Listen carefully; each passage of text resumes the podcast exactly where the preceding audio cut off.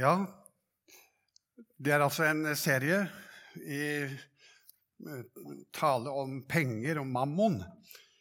Og eh, da jeg er blitt spurt om å ha en tredje tale her, så har det litt med å gjøre at vi skal på en måte balansere det litt. Sa, sa de til å begynne med. Jeg vet ikke om det kommer til å skje, men iallfall skal jeg prøve det. Og jeg har valgt et uh, tema som jeg vil eh, si noen setninger om. Og det er hvordan kan vi være gode forvaltere når det er så mye å bekymre seg for? Hvordan kan vi være gode forvaltere når det er så mye å bekymre seg for? Og For å svare på dette så har jeg tenkt å komme inn på tre punkter i andakten min eller talen. Etter en liten innledning så kommer jeg til å si litt om bekymringer og hjerteforhold. Og så skal jeg si litt om den rike mannen og Lasarus som punkt to. Og til slutt så vil jeg snakke litt om er det synd å være rik. Og da kommer jeg til å dra fram en veldig rik mann fra Østen. For noen år siden så leste jeg i Fevennen en artikkel der hvor de hadde satt opp, disse journalistene hadde satt opp eh, formue og inntekt og noen spørsmål til enkelte som var veldig rike, men samtidig var aktive i menighet. Og Det var spesielt én av disse som jeg har lyst til å sitere nå. Og Jeg skal ikke si navnet på han, men jeg vet hvem det er. Og vet også at han har forvaltet sin rikdom på en veldig fin måte. Det var en som satt på kontoret en dag i en liten misjon som jeg er med, en del av, som heter Litteraturmisjon. Og Så ringte denne mannen og spurte om vi hadde brukt for én million kroner til å trykke bibler. Og da ble det jo helt ekstase i lille, denne lille gruppa. Og takker for det. Sånn er han. Han forvalter sin rikdom på en veldig fin måte og hjelper der han ser det er et behov. Og så sier han, som etter at han har blitt spurt av en journalist om rikdommen, han sier jeg kan ikke si at jeg noen gang har hatt dårlig samvittighet fordi jeg har store verdier. For, han hadde da over en milliard kroner, sto det i formuen hans. Så dere vet at det er ikke bare noen sånn få millioner. Livet har mer handlet om å forvalte og bygge videre på det jeg overtok av far. Livet handler om ansvar. Ordet om å samle skatter dreier seg ikke om å sette vår lit til pengene. For vi skal ikke ha andre guder enn Gud. Hjertet vårt skal være hos ham. Det gjelder oss alle. Samtidig så har vi lignelsen om talentene, sier han. Om han som gravde ned det ene, og de som fikk fem og ti, og fikk verdiene til å vokse. Det handler om å utnytte talentene sine, enten det er personlige evner, anlegg eller materielle ressurser. Vi må utvikle våre talenter, ellers så mister vi dem. Så langt Fevennen. Her er vi litt inne ved kjernen av problemstillingen. Det kommer seg an på hvordan du forvalter dine talenter. Det kommer seg også spesielt an på det som han sa i begynnelsen her, dette med hjerteforholdet til både penger og til oppgavene som du har. Men la oss stikke fingeren i jorda. Dere ser på nyhetene, så kan de observere to personer. De som de ser der nå. Se nøye på dem. Og ser du det at Rynkene i Jonas sitt ansikt har blitt djupere. Har dere lagt merke til at fliret til Trygve har tørket inn? Krigsfrykt, miljøangst og økonomiske bekymringer de må vi ta på alvor. Det er noe som preger oss nå i denne tida. Derfor har jeg satt opp den problemstillinga, det spørsmålet, i overskriften som vi har gjort i dag. Hvordan skal vi være forvaltere i en sånn tid? Er det ikke da lett å bare gjemme talentene våre, grave dem ned og sikre framtida? Bekymringen blir på en måte herre over livet vårt på en sånn måte at vi tør ikke å sette talentene i aktivitet. Og jeg har lyst til å ta utgangspunkt i en tale som Jesus holdt for å belyse dette litt mer. Det er en tale som står i Matteusevangeliet 5.-7. kapittel. Og det er en manual på mange måter, den talen, for å følge etter Jesus. Og du kan også bruke det som en manual for å følge etter Jesus i vanskelige tider. Slike tider som vi kan komme inn i nå fremover. Den talen avslutter med et realistisk fremtidsbilde. Nesten slik at det kunne vært lest av noen miljøforkjempere, f.eks. av Greta Thunberg. La oss lese konklusjon på talen i vers 24. Og der står det slik.: Hver den som hører disse mine ord og gjør det jeg sier, ligner det en klok mann som bygde huset sitt på fjell. Regnet styrtet ned. Hører du det? Elvene flommet over. Og vindene blåste og slo mot huset. Men huset sto allikevel, fordi det var bygd på fjell. Er ikke dette vi er litt opptatt av og tenker at framtiden vil bringe nettopp slike ting? de som hadde bygd sitt hus på fjell. Det var de som lyttet til Bibelens ord, til Guds ord, og gjennom det fikk erfaringer og lærdommer, slik at de kunne ha noe å bygge livet sitt på. En kan merke oss det at en klok forvalter, han bygger huset på fjell. Og det gjelder også forvaltningen av de ressursene som vi har. Bygge hus på fjell. Det er å høre Bibelen, høre ordene og gjøre etter dem. Og regnet styrte ned, og flom, elvene flommet og vinden blåste. Og en klok forvalter, han regner med det, kalkulerer med det, at det vil komme en tid med uvær. Det vil komme en dom på alle nivåer. Vi kan ikke bare seile med og ikke regne med at en gang så skal det prøves, det byggverket som du og jeg har gjort. Men likevel så kjenner vi det litt i ryggmargen. Vi kjenner engstelse. Vi kjenner på økonomiske bekymringer. Og det er De som leser nyhetene og følger med på dette, de ser at det kommer vanskelige tider. La oss da ta et par momenter til fra denne flotte frekenen som Jesus hadde til sine venner. Denne manualen for det kristne livet, egentlig. Det er i kapittel seks, kapittelet foran. Dere skal ikke samle dere skatter på jorden, sier han. Hvor møll og mark ødelegger, og hvor tyver bryter inn og stjeler. Men dere skal samle skatter i himmelen. Det er litt å bygge hus på fjell.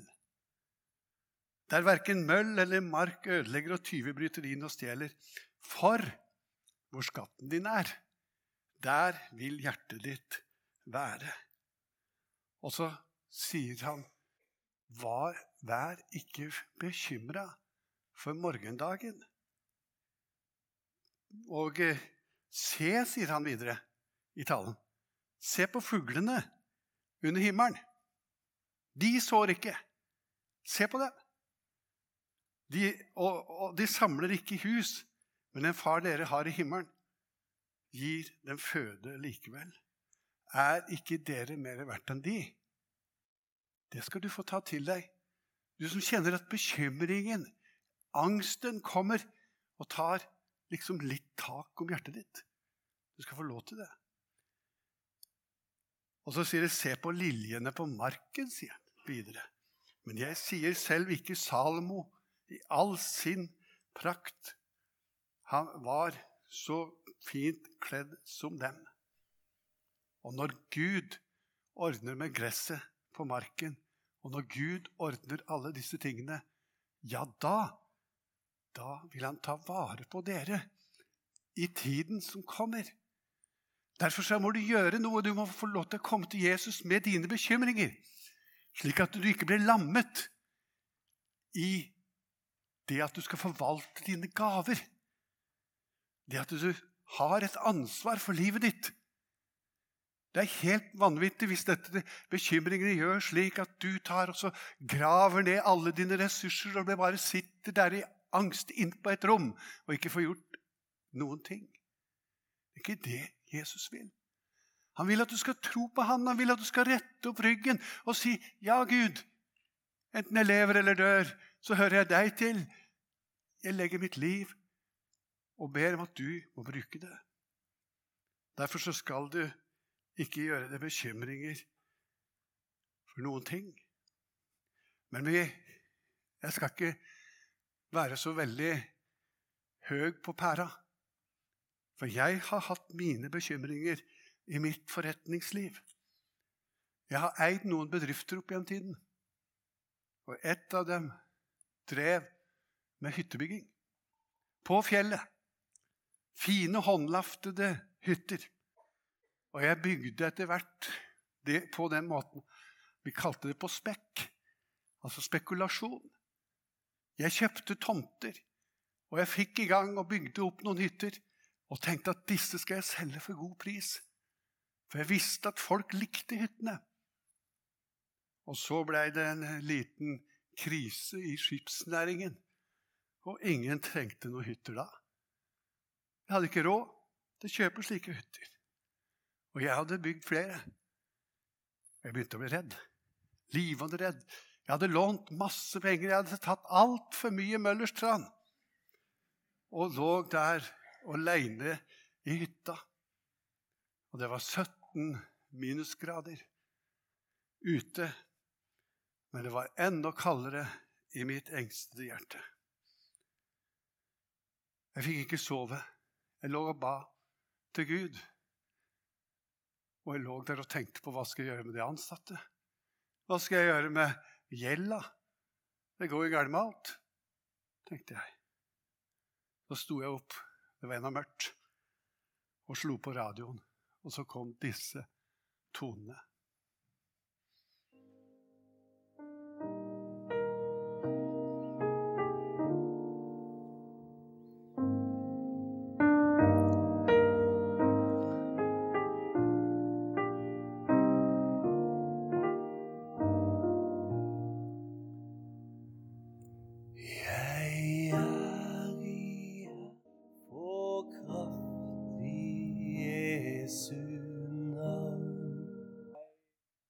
Hørte denne sangen, så rant tårene fra en som ellers ikke gråter så mye.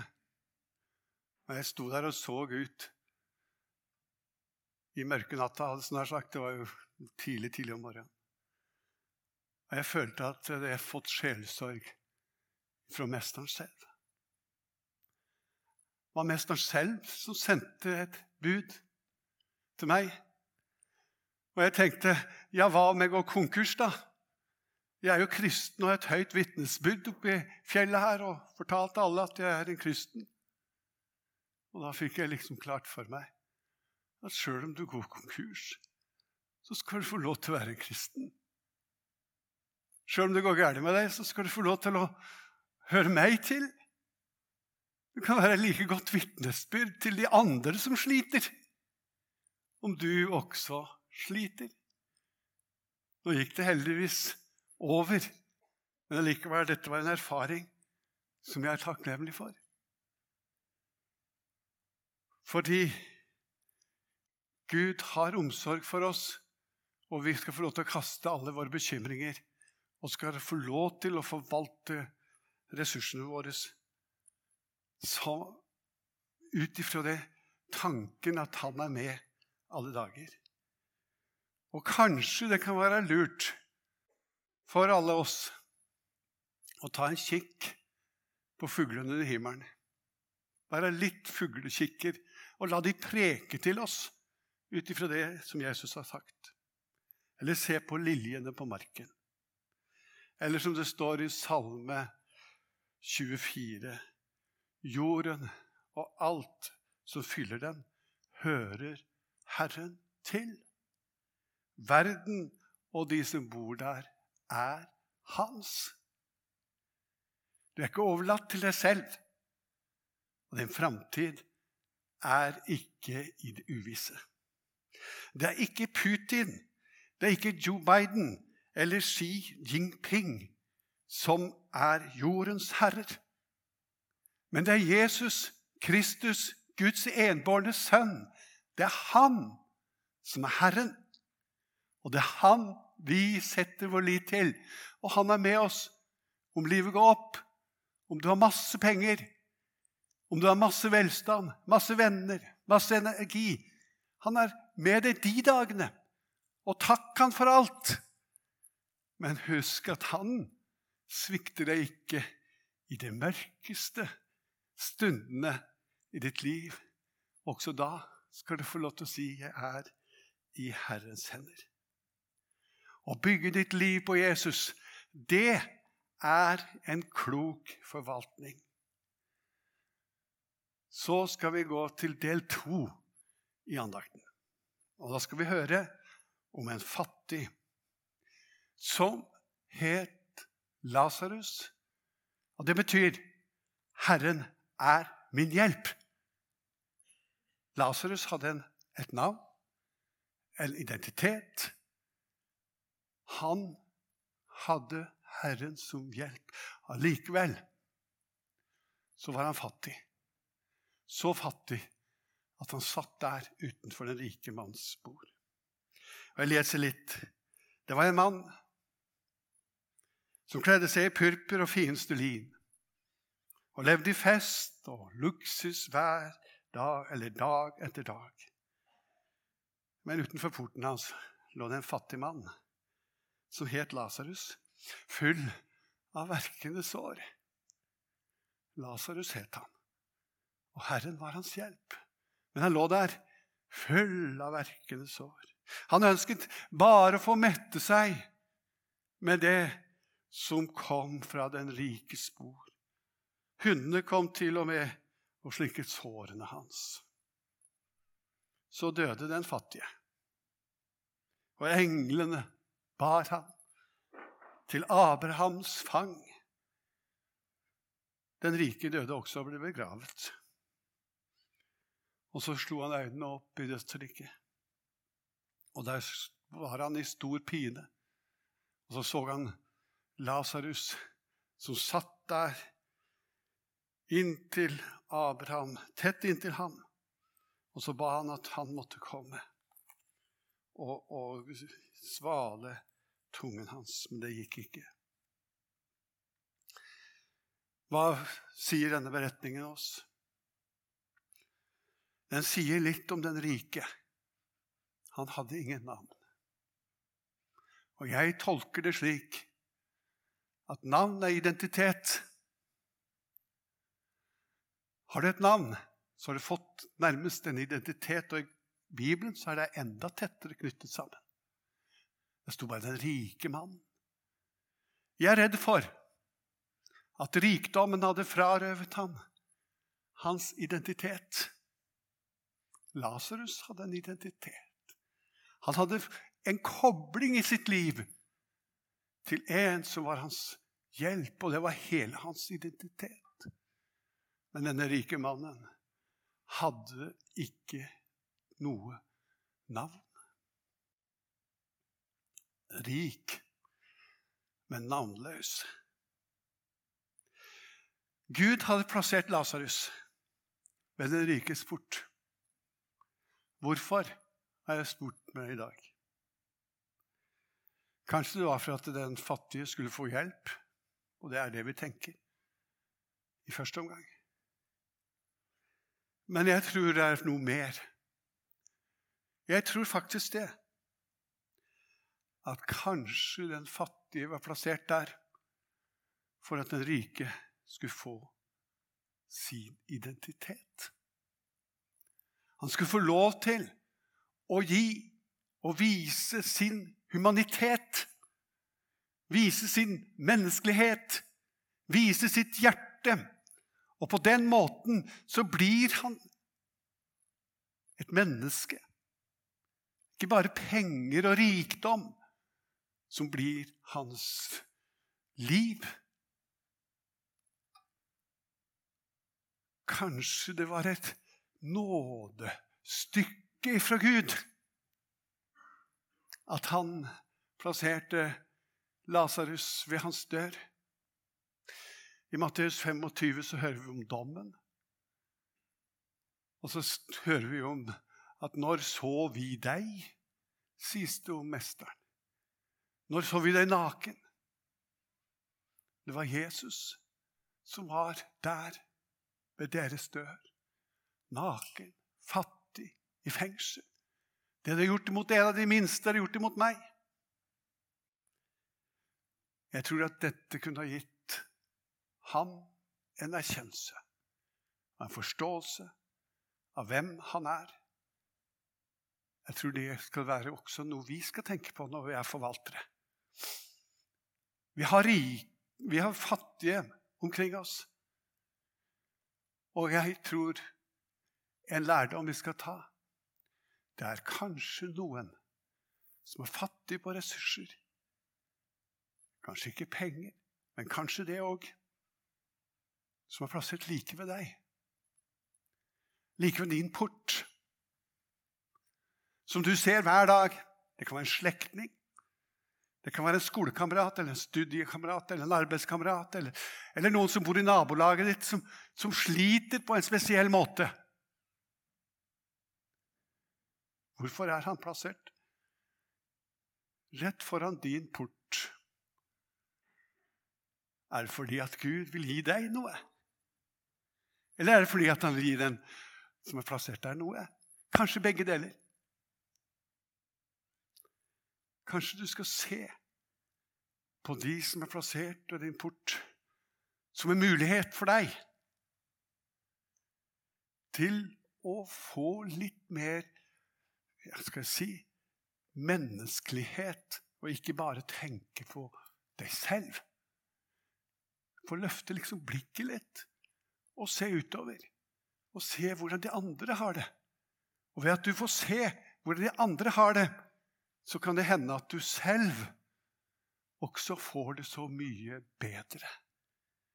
Kanskje det er noe i det ordet at det er ved å gjøre andre glad at du selv blir glad.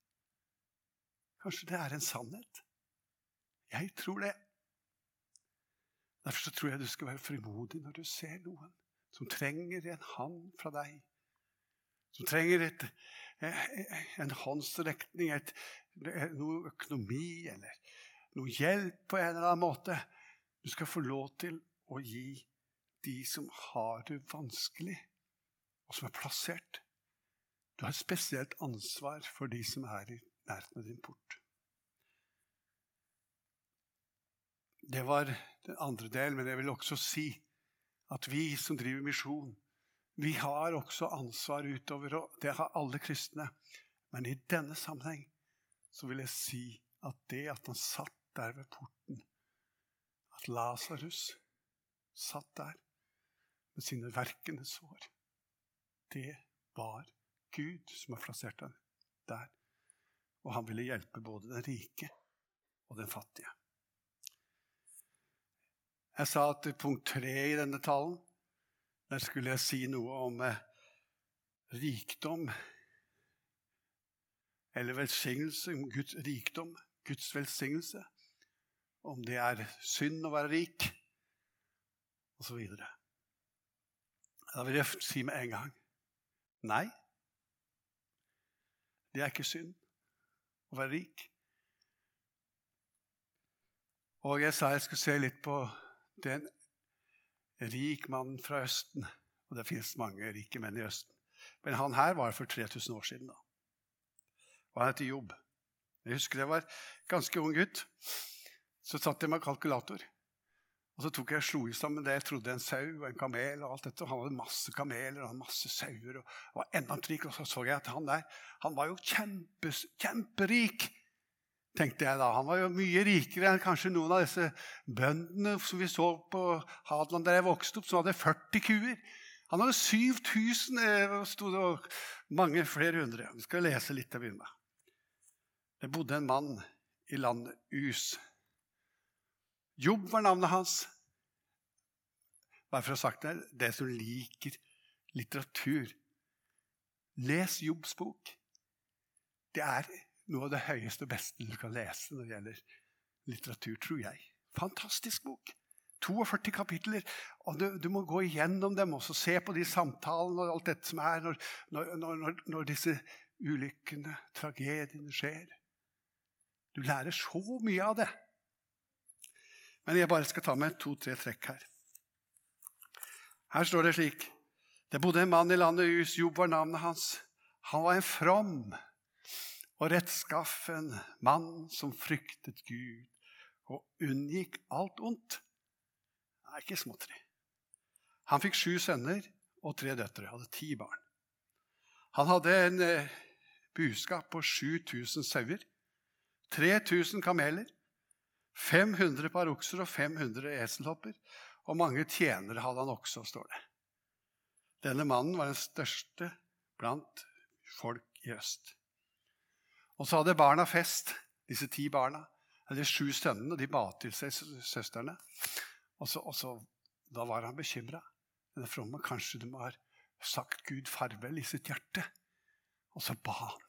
Ba for barna sine. For et privilegium. Han ba til Gud at du måtte bevare dem.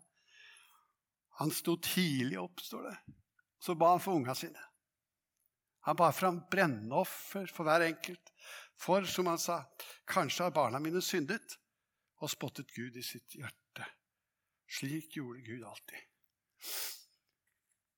Men så mistet han alt, denne mannen. Han var en from mann. Han mistet alt. Og det er veldig spennende historie å lese. Jeg skal ikke ta tid til det nå. Men i kapittel 19 så sier han, beskriver han sin egen situasjon sånn. Jeg er ikke annet enn skinn og bein. Tannløs må jeg berge meg. Ser du liksom ifra suksess til katastrofe til totalt havari. Og han sitter der på Askehaugen og skraper sine sår med potteskår. Og alle forlater han. Vennene hans alltid skjønner ingenting. Hva har skjedd med den mannen? Han var jo så from. og så nå, nå er det ikke noe velstand lenger. Alt er galt. Og så svarer han på det mange forskjellige sånne spørsmål dere her. Hvorfor jager dere, sier han til mennene sine. Slik som Gud gjør. Det virker som om han også har forlatt meg nå. Men så kommer det et utsagn fra han midt i boka i kapittel 19. Om bare mine ord ble skrevet ned, sier han. Om dere ført inn i en bokrull, formet med griffel av jern, med bly risset i stein for alltid. Jeg vet at min gjenløse lever. Som det siste skal han stå frem på støvet. Hva er det for noe? Han bygde sitt liv på en fjellgrunn. Han visste at i stormen, når regnet kom og elvene fløyt rundt omkring hans hus, så hadde han funnet en grunnvoll. Jeg vet at min gjenløse lever, Som den siste skal han stå frem på støvet. Når huden, sier han, er revet av meg og kjøttet er borte, da skal jeg se Gud. Er det ikke fantastisk? Når alt dette er tørka inn, så skal jeg se Gud. Mine øyne skal se ham.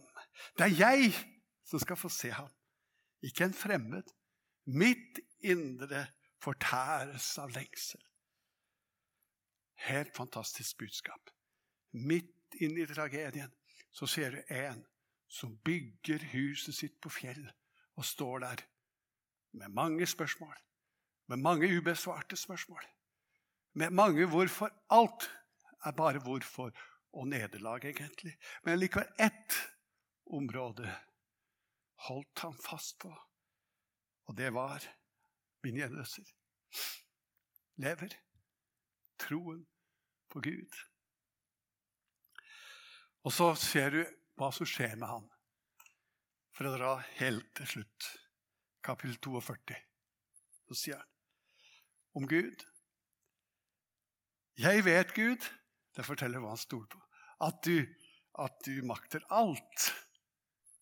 Ingenting er umulig for deg når du vil det. Og så sier han før hadde jeg bare hørt rykte om deg, før dette her skjedde og gikk i kull. Nå har jeg erfart det med egne øyne. Der har han fått noe som heter en prøvet og erfart tro. Han har sett at Guds løfter holdt gjennom alle situasjoner i livet. Det er et prøvet sinn, egentlig. Han har erfart at løftene holdt til sjuende og sist. Og så står det helt til slutt i boka Herren vendte Jobs skjebne da han ba for vennene sine. Så lot han Jobb få dobbelt så mye som han hadde hatt før. Han velsignet han med en enorm rikdom. Alle hans brødre og tidligere kjenninger kom til ham. De spiste med ham i hans hus. De viste medfølelse med ham for alt det vonde som Herren hadde latt komme over ham. Hver og en ga ham et pengestykke og en gullring. Og Herren velsignet Jobbs siste år mer enn de første. Og han fikk 14 000 før han 7000 sauer. Nå fikk han 14 000. Og 6000 kameler. 1000 eh, par okser og 1000 eselhopper. Han fikk sju sønner og tre døtre. Den ene datter osv. Og, og så står det om disse døtrene, da. Noe som dere kan tenke på. da. Og han ga arverett til alle disse damene. Det er helt uvanlig. Han hadde fått visdom og forstand og ga lik arverett alle sammen. Og Deretter levde han i 140 år til. Da. Det var jo litt lang pensjonistalder. Og fikk barn og barnebarn i fire slektsledd. Og så døde Jobb mett av dager. Er det synd å bli rik? Det er synd hvis du bygger livet ditt på rikdommen. Men hvis du ser på det som en velsignelse, en gave fra Jesus, og takker Han og sier at 'Herre, dette vil være, jeg være med på å tjene deg med'. Det er hjerteforholdet, sa jeg. Det kommer han på. Og de fattige er vårt ansvar. Og spesielt minner jeg om de som er utenfor porten. Det er verken synd eller skam å være rik. Du er velsignet for at du skal være til velsignelse. Til slutt vi trenger mange rike, gode og flinke forretningsfolk som har hjerteforholdet til Gud i orden. Det vil jeg slutte med i dag. Takk for meg.